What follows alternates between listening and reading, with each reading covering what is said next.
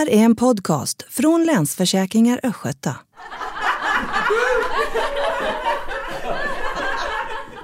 Ja, hej, jag heter Anders Hovegård och eh, som ni hör så är det ganska bra stämning på mitt jobb. Det är något som vi försöker få till, en eh, positiv kultur där alla känner att de kan vara sig själva och komma till tals. Eh, men när jag ser mig runt omkring här så är det ju otroligt homogent. Risken är ju att vi blir likadana människor på jobbet som bekräftar varandra, att vi trivs så bra ihop, att det blir svårt att ta in nya perspektiv. Och är det egentligen så viktigt? Hur kan man eh, närma sig frågor om mångfald och finns det någon affärsnytta i det egentligen? Jag tog kontakt med en hel rad människor som jag vet brinner för det här. Först ut en person på det bolag som ligger bakom den här podden, Tommy Eklöf på Länsförsäkringar Östgöta. Eh, hejsan, jag heter Tommy Eklöf jobbar som hållbarhetsansvarig på Länsförsäkringar Östgöta. Vad betyder hållbarhet för dig? Egentligen så handlar det faktiskt om att, eh, hur vi bidrar till en eh, positiv samhällsutveckling. Eh, och det kan vara dels genom vad, hur vi möter våra kunder, alltså hur, vad vi gör i kundmötet, men också hur vi hanterar våra anställda. Eh, så det är egentligen väldigt, en, väldigt brett hur vi eh, bidrar till samhället. Du, eh, det här avsnittet börjar med att jag satt här och funderade på hur att vi på vår arbetsplats är ganska så homogena och liksom ganska stereotyp eh, eh byrå här i Sverige. Eh, och börjar liksom vrida och vända på frågorna kring mångfald och fördelar kring mångfald eh, och inkludering. Ni som är så framgångsrika, eh, Länsförsäkringar Östgöta är ju så omtyckta av era kunder. Ni mäter jättebra när ni gör medarbetarundersökningar och enkäter.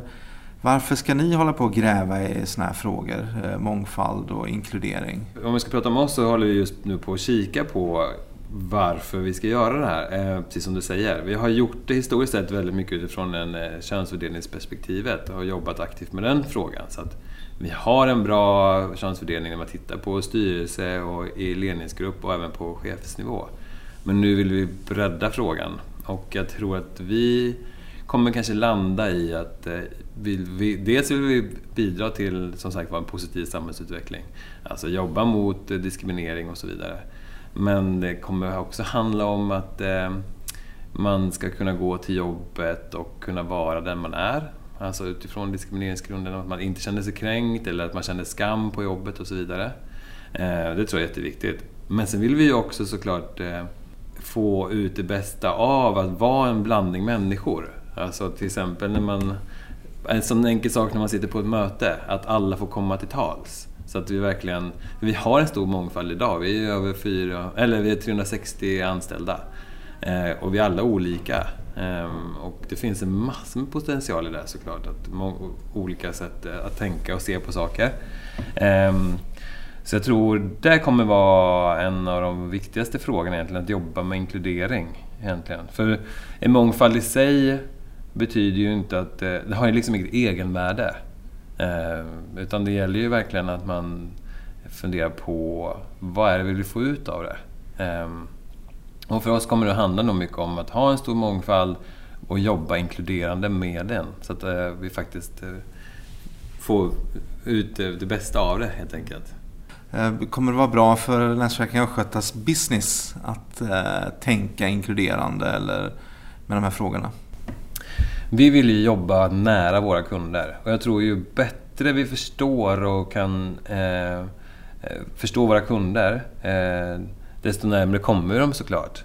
Och det handlar ju också om att då ha en bredd bland, bland medarbetarna på bakgrund. Och då, vi ska komma ihåg när vi pratar om mångfald så är det ju lätt att man hamnar i det här facket där man pratar om Eh, etnisk eh, bakgrund. Men det är ju så mycket mer. Det handlar ju om ålder och om kön och, och massor med olika saker.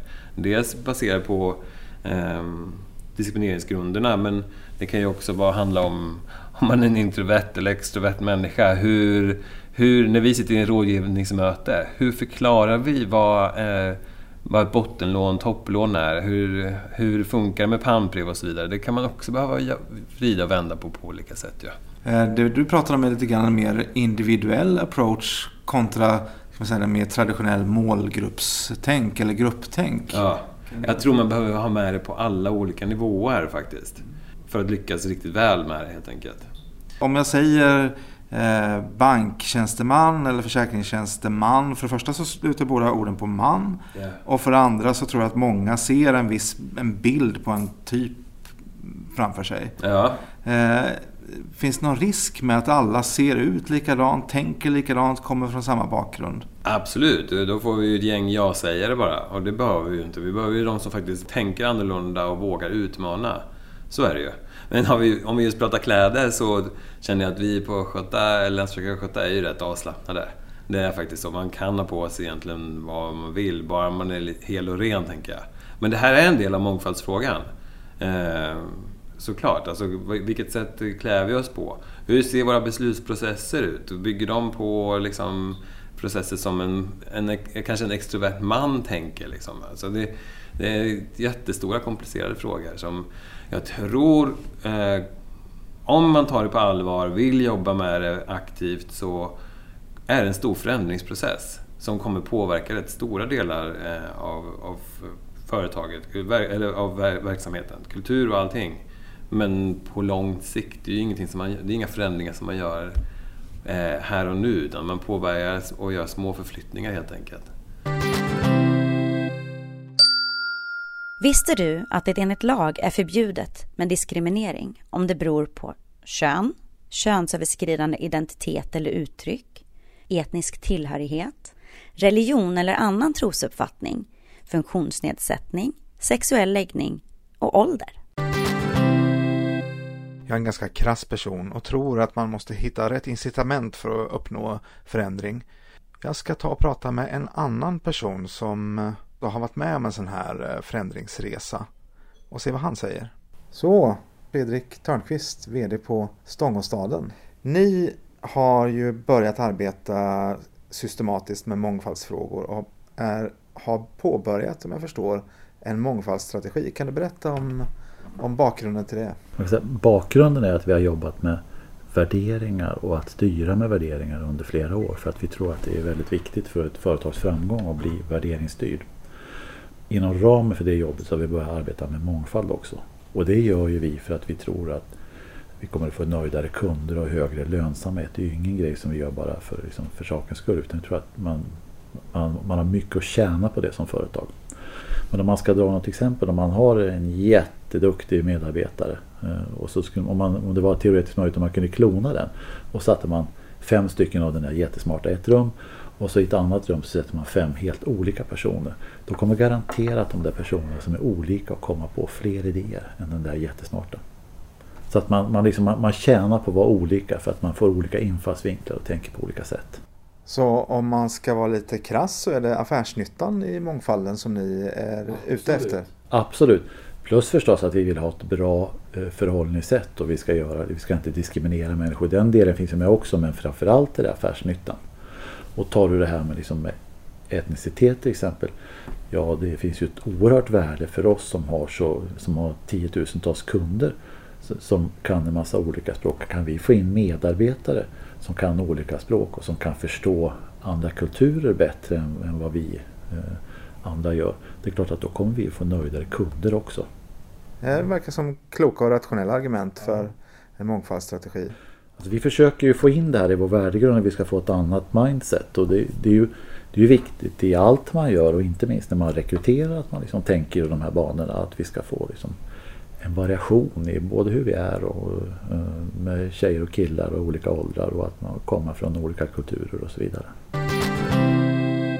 Ja, det finns definitivt mycket att vinna för företag som arbetar aktivt med de här frågorna. Men jag undrar också över de hinder och utmaningar som arbetssökande som exempelvis invandrare stöter på när de söker jobb. Finns det någon som skulle kunna ge mig deras perspektiv? Natalia, berätta vem du är eh, och vad du gör för någonting. Jag är Natalia, Natalia Bonilla, jobbar som verksamhetsledare på portalen i Hoggeby. Jag kommer från Colombia och jag har bott i Sverige sju år. Berätta om eh, portalen. Hur, vad var det för idé bakom portalen? Bakom portalen finns en idé att leda människor till eh, egen försörjning. Och började vi 2011, i juni. Och vi öppnade en lokal, portalen, som kallas Portalen. Och, och vi bjöd mycket på kaffe och fika. och började att lyssna eh, Högebyborna och fråga dem vad är det som eh, hindrar dem för att få jobb. Och det, i den dialogen man lär sig så mycket. Vad är det som verkligen bromsar dem? Eftersom alla vill jobba. Vad är det som bromsar? Det bromsar till exempel det svenska språket, absolut, det är klart. Det, det bromsar att inte ha kontakt med samhället och har inget nätverk. Det bromsar att inte förstå det svenska beteendet. Och det kallas det sociala koden och svenska koden som krockar ibland med andra kulturer. Hur mina förmågor eller eh, färdigheter passar här. Så vi märkte att, det, att det, dessa typer av eh, hinder behöver vi jobba med. Och eh, vi besökte en Rotary-klubb och vi presenterade vårt initiativ. Och de sa att ah, vi vill vara med. Så det betyder att våra deltagare på portalen kan träna svenska, kan eh, inventera sina förmågor och kompetenser, men också kan få en mentor. Som är en person som är nära din bransch eller dina, nära dina intressen. Det som vi gör på portalen just nu. Men vi då som jobbar i företag runt om i Östergötland, har du några tips eh, kring hur vi kan bli bättre på att fånga upp den här eh, potentialen hos de här människorna? Ja, jag tycker att det första är att våga kontakta dem. Vi har två lokaler i Hågeby och i Rindanse och har my många mjuka verksamheter. Bara för att lära känna varandra. Så det är bara att komma till oss. Eh, vi har en Facebook-sida med portalen i Hågeby heter vår Facebook-sida. Eller kontakta mig. Eller, det är bara att komma till Hågeby och fråga var är portalen och kommer in. Måste, måste jag komma då och ha en massa lediga jobb? Nej, nej, nej, nej. Det är något som är klart i portalen. Vi är inte Arbetsförmedlingen. Vi får starka människor för att de kan ta kontakt med samhället och söka, gör sin egen ansökan. Vi är klara och tydliga att de måste ta ansvar för sitt eget liv. Bara kom och träffa dem, dricka kaffe, eh, hjälpa en person för att skriva en, en bra CV, kanske träna svenska lite, prata på svenska, eh, göra en studiebesök, bjuda dem för att fika i ditt företag. Jätteviktigt! Så för att de upplever en annan miljö. Eh, har du möjlighet att ta en praktikant, så ta en praktikant. Det, språket kan, kan, kan inte bli en, en hinder. Så har ingen oro att de inte kan svenska. De gör allt som de kan för att förstå dig. Eftersom det är deras uppdrag är att förstå dig. Fantastiskt. Eh, vad tror du är den stora nyttan för östgötska företag att få in en större mångfald i sina företag? Vad tror du att man, vad tror du att man har för nytta och glädje av det? Nya idéer. Vi har så många nya idéer. Jag pratar om mig själv. Det finns olika strategier för att bemöta en utmaning i samhället. Till exempel om du vill eh, organisera, planera, eh, eh, är det bra det svenska sättet att göra det? Jag alltid säger, vi måste bjuda en svensk person. De är jätteduktiga för att planera, organisera, fundera på framtiden. 30 år, det, har, det måste vi ha en svensk person här. Så jag säger okej, okay, vi, vi har en akut, vi måste improvisera lite mer, bli lite mer spontant. Ah, jag kommer jag. det är min grej. Eftersom vi är lite mer spontana, vi, vi, vi agerar i akut, vi planerar inte så mycket, vi reagerar jättefort. Så nu är det dags för det. Den kulturen måste kunna... Och sen säger ah men vi vet inte vad hände i dagtiden. Vänta lite, måste prata om Mellanöstern. De är fantastiska. De har fantastiska minnen för allt som hände. Men en svensk person, du kan, du kan fundera på 30-50 år framtiden. Och med oss från Latinamerika, du pratar om nu. Vad händer nu? nu? Vad ska jag göra? Så alla har sin egen roll för att bemöta en utmaning i samhället. Så dessa förmågor som vi har är som de kan få på sitt företag. Och anpassar varje person, det beror på vilket utmaning har företag. Visste du att det är fler kvinnor än män med utländsk bakgrund som är företagare? Kanske beror det på att kvinnorna har det svårare att ta sig in på arbetsmarknaden. Vad tror du? Som företagare känner jag mig nu ännu mer inspirerad och sugen på att gå vidare med det här. Eh, men jag undrar, finns det fler företagare att bolla idéerna med? Tänk om jag skulle snacka med Anna Lövheim på Diversity Charter. Hon vet ju hur man får tag på stöd och hjälp.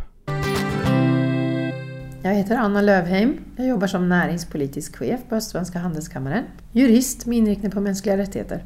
Du eh, driver, eller är aktiv inom någonting som heter Diversity Charter. Berätta om Diversity Charter, vad är det för någonting? Diversity Charter är eh, egentligen ett av de nätverk som vi på Handelskammaren har tagit initiativ till. Och eh, det har egentligen sin grund i att vi ser en, eh, ett behov av att tänka mer inkluderande och mångfaldigt kring vår kompetens i näringslivet. Nu och för framtiden inte minst. Hur har de här tankarna och eh, initiativet tagits emot i näringslivet i Östergötland? Vi har fått väldigt positiv respons. Det är många som har kommit både på de event som vi har och också varit framme och pratat med oss och, och, och, signalerat att det här tycker vi är jättebra, det här är en viktig fråga för framtiden. Och vi har ju också landshövdingens beskydd så att säga. Hon har ju stått upp och sagt att det här är viktiga frågor. Så att vi känner att vi får tyngd. Och sen har vi också bjudit in Region Östergötland ganska tidigt i processen innan vi lanserade. Så att vi känner att vi är tre stora aktörer så att säga, som jobbar med långsiktighet och regional attraktivitet. Vad är det mest man är intresserad av eh, bland företagen? Vad är det man eh, är nyfiken på? Ja, det man framförallt är nyfiken på det är väl hur ska man ta tillvara på de här människorna? Hur ska man se var det finns kompetens? Var är det man själv missar så att säga? Man faller i, i en fälla av fördomar där man gärna väljer det som är bekant för en och som man känner till sedan tidigare.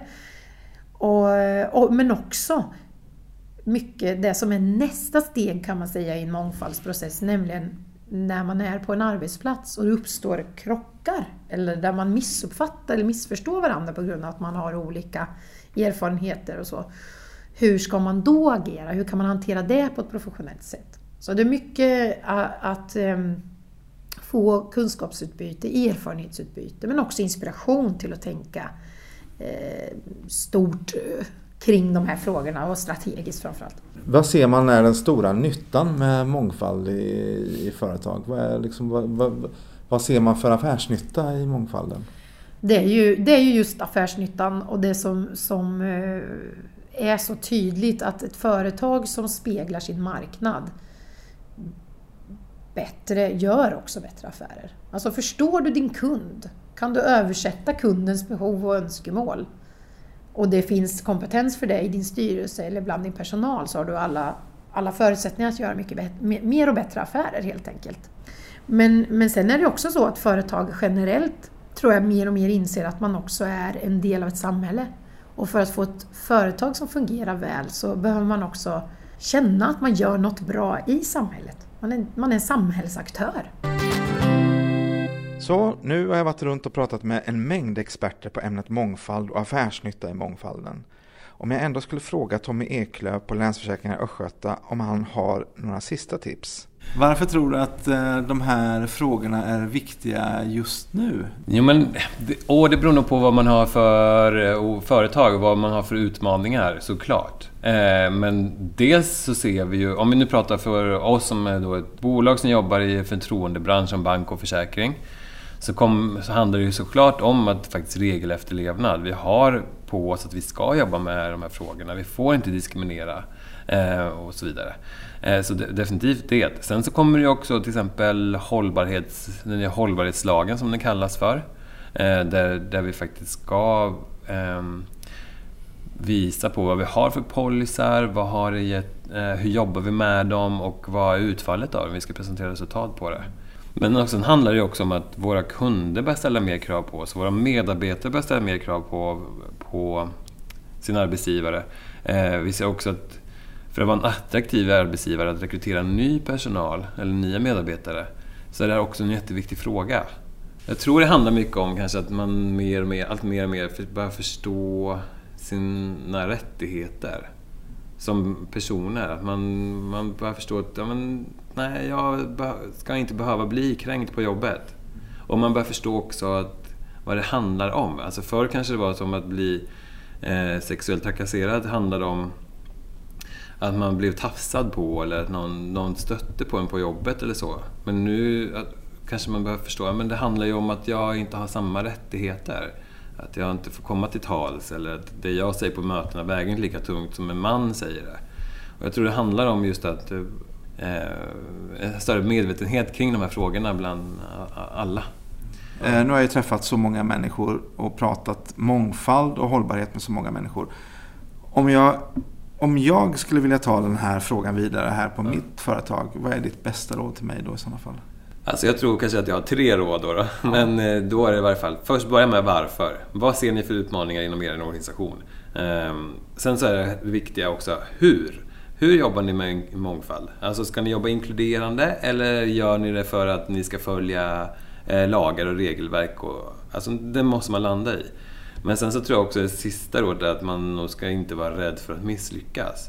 Alltså pröva er fram. Eh, det är bättre att ändå ha en, en stark vision, stark värdegrund och alltså sträva efter en målbild. Att ha en, en, tydlig målbild och sträva efter den. Och göra bort sig på vägen och säga ursäkta, nu gjorde vi helt fel här.